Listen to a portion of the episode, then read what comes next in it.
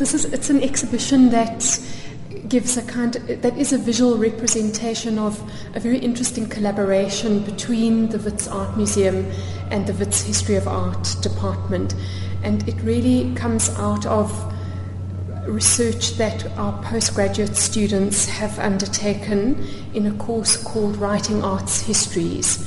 And as part of that course, each of those students doing that course are tasked to write the biography of an object from the African art collection that's housed at the Wits Art Museum, but is supported and funded by the Standard Bank. So it's a three way association or collaboration between the bank and the Art Museum, which is a very long standing relationship, and the Art Museum and History of Art which is also a long standing collaboration, but this is, in a sense, the three working together.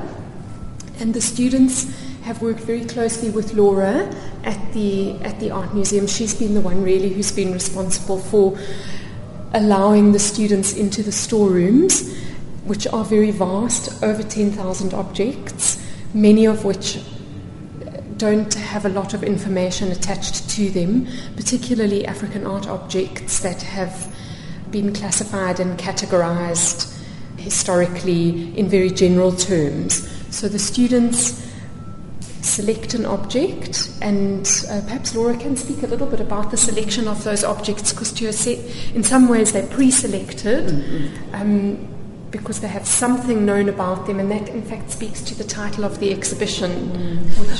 Van vinnig net gaan die idee agter, dit is objekte soos jy sê wat niemand eintlik weet waar dit vandaan kom nie. Ek kyk byvoorbeeld na die kleipot wat een van die objekte is. Niemand weet wie hom gemaak het nie. Mm. En daar is nou met hierdie ses kunswerke gekyk wat die geskiedenis daarvan is, waar dit vandaan kom. Mm. Dit was die doel van die studente mm. gewees, nou. Mm.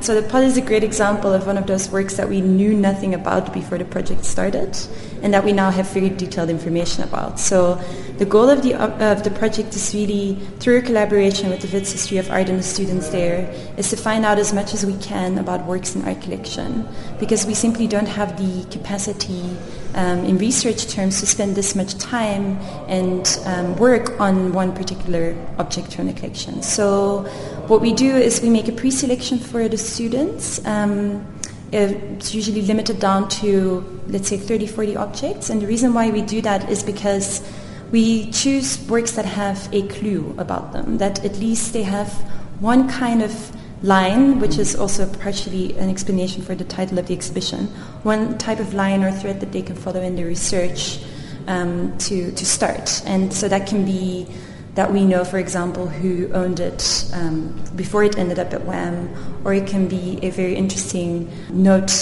entry in the, in a database that we would like to find out more about. So die studente het het 'n keuse van watter een van die objekte hulle wil hê. Yes. So out of this pre-selection they choose what interests them most. And we have some flexibility in that, of course, if students are particularly interested in photography and there are in that year no photographs included, then we will just make that happen for them. And they become the sort of the biographer of that object for almost an entire year. Ons kan ongelukkig nie in detail oor die ses objekte praat nie. Ons het nie die tyd daarvoor nie, maar ek wil tog gou vir die luisteraars net vinnig deur die ses gaan. Die eerste een is nou die kleipot wat hier is en dan as ons oorstap, kom ons gaan kyk net gou na die ander 5. So die eerste een in hierdie kamer is is hierdie een wat sê good morning gentlemen, give me a cut. Is ek reg? Yes, um, so it's, it's one Barber poster that was isolated from a large collection of Barber posters that we have at Wits Art Museum. And we asked the student to do as much research on it as possible because it has a named artist on it, which is very rare for African artwork. So she did a visual analysis of it and compared it to um, other very known historic, art historical paintings like René Magritte's Ceci n'est pas une pipe, for example. En dan die derde object?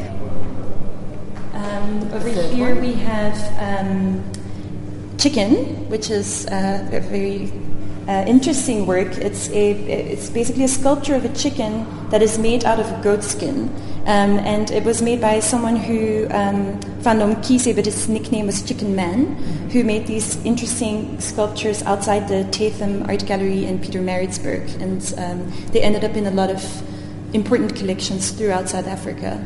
And this is the first time that actually any kind of in-depth research has been done on the artist himself. Dan die volgende een.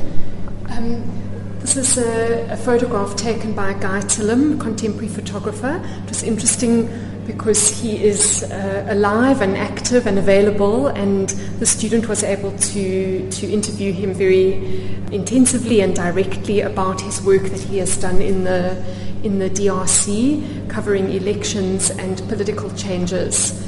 And uh, the student was able to contextualize this photograph and compare it to Eugene Delacroix's uh, famous painting of Liberty Leading the People, which is very visually, or the one visually echoes the other.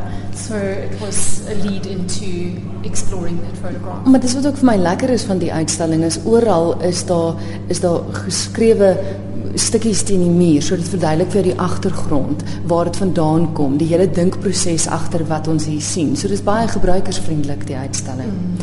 As ons gaan kyk na die vyfde objek, Um, so these these charms were um, originally collected by a Reverend William Burton, who collected for Wits University in the 1920s and 30s in the Democratic Republic of Congo. And we found them thoroughly fascinating because they were one of the most expensive objects he acquired at the time, yet they are extremely unpretty, to say it nicely.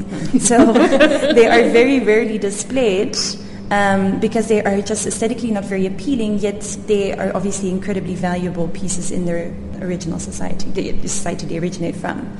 So we display those alongside archival material that Burton collected himself and a, an amazing CT scan that we took to find out what was actually inside the charms. Um, and we found out that there were a bunch of seeds and other uh, botanical materials that we're still identifying. Gelooflik. En dan die laaste objek. Uh, the last, Uh, the last object was a political photograph taken by Gideon Mendel in 1986, and it's an extraordinarily painful photograph, an avenue of coffins at a mass funeral from the from the Langa massacre, and we have been very fortunate to display it alongside a much earlier photograph taken by Peter Magubane of the funerals um, after the Sharpeville massacre in 1960. And in a sense, the student researched the ways in which some things never changed, this, re- this, the repeat over and over and over again of these mass political funerals. And she really explored the, the context of, of the South African land, political landscape in the 60s and in the 1980s. And it's very, it's very pertinent in, in the context of today and what's, and what's taking place around the country right now.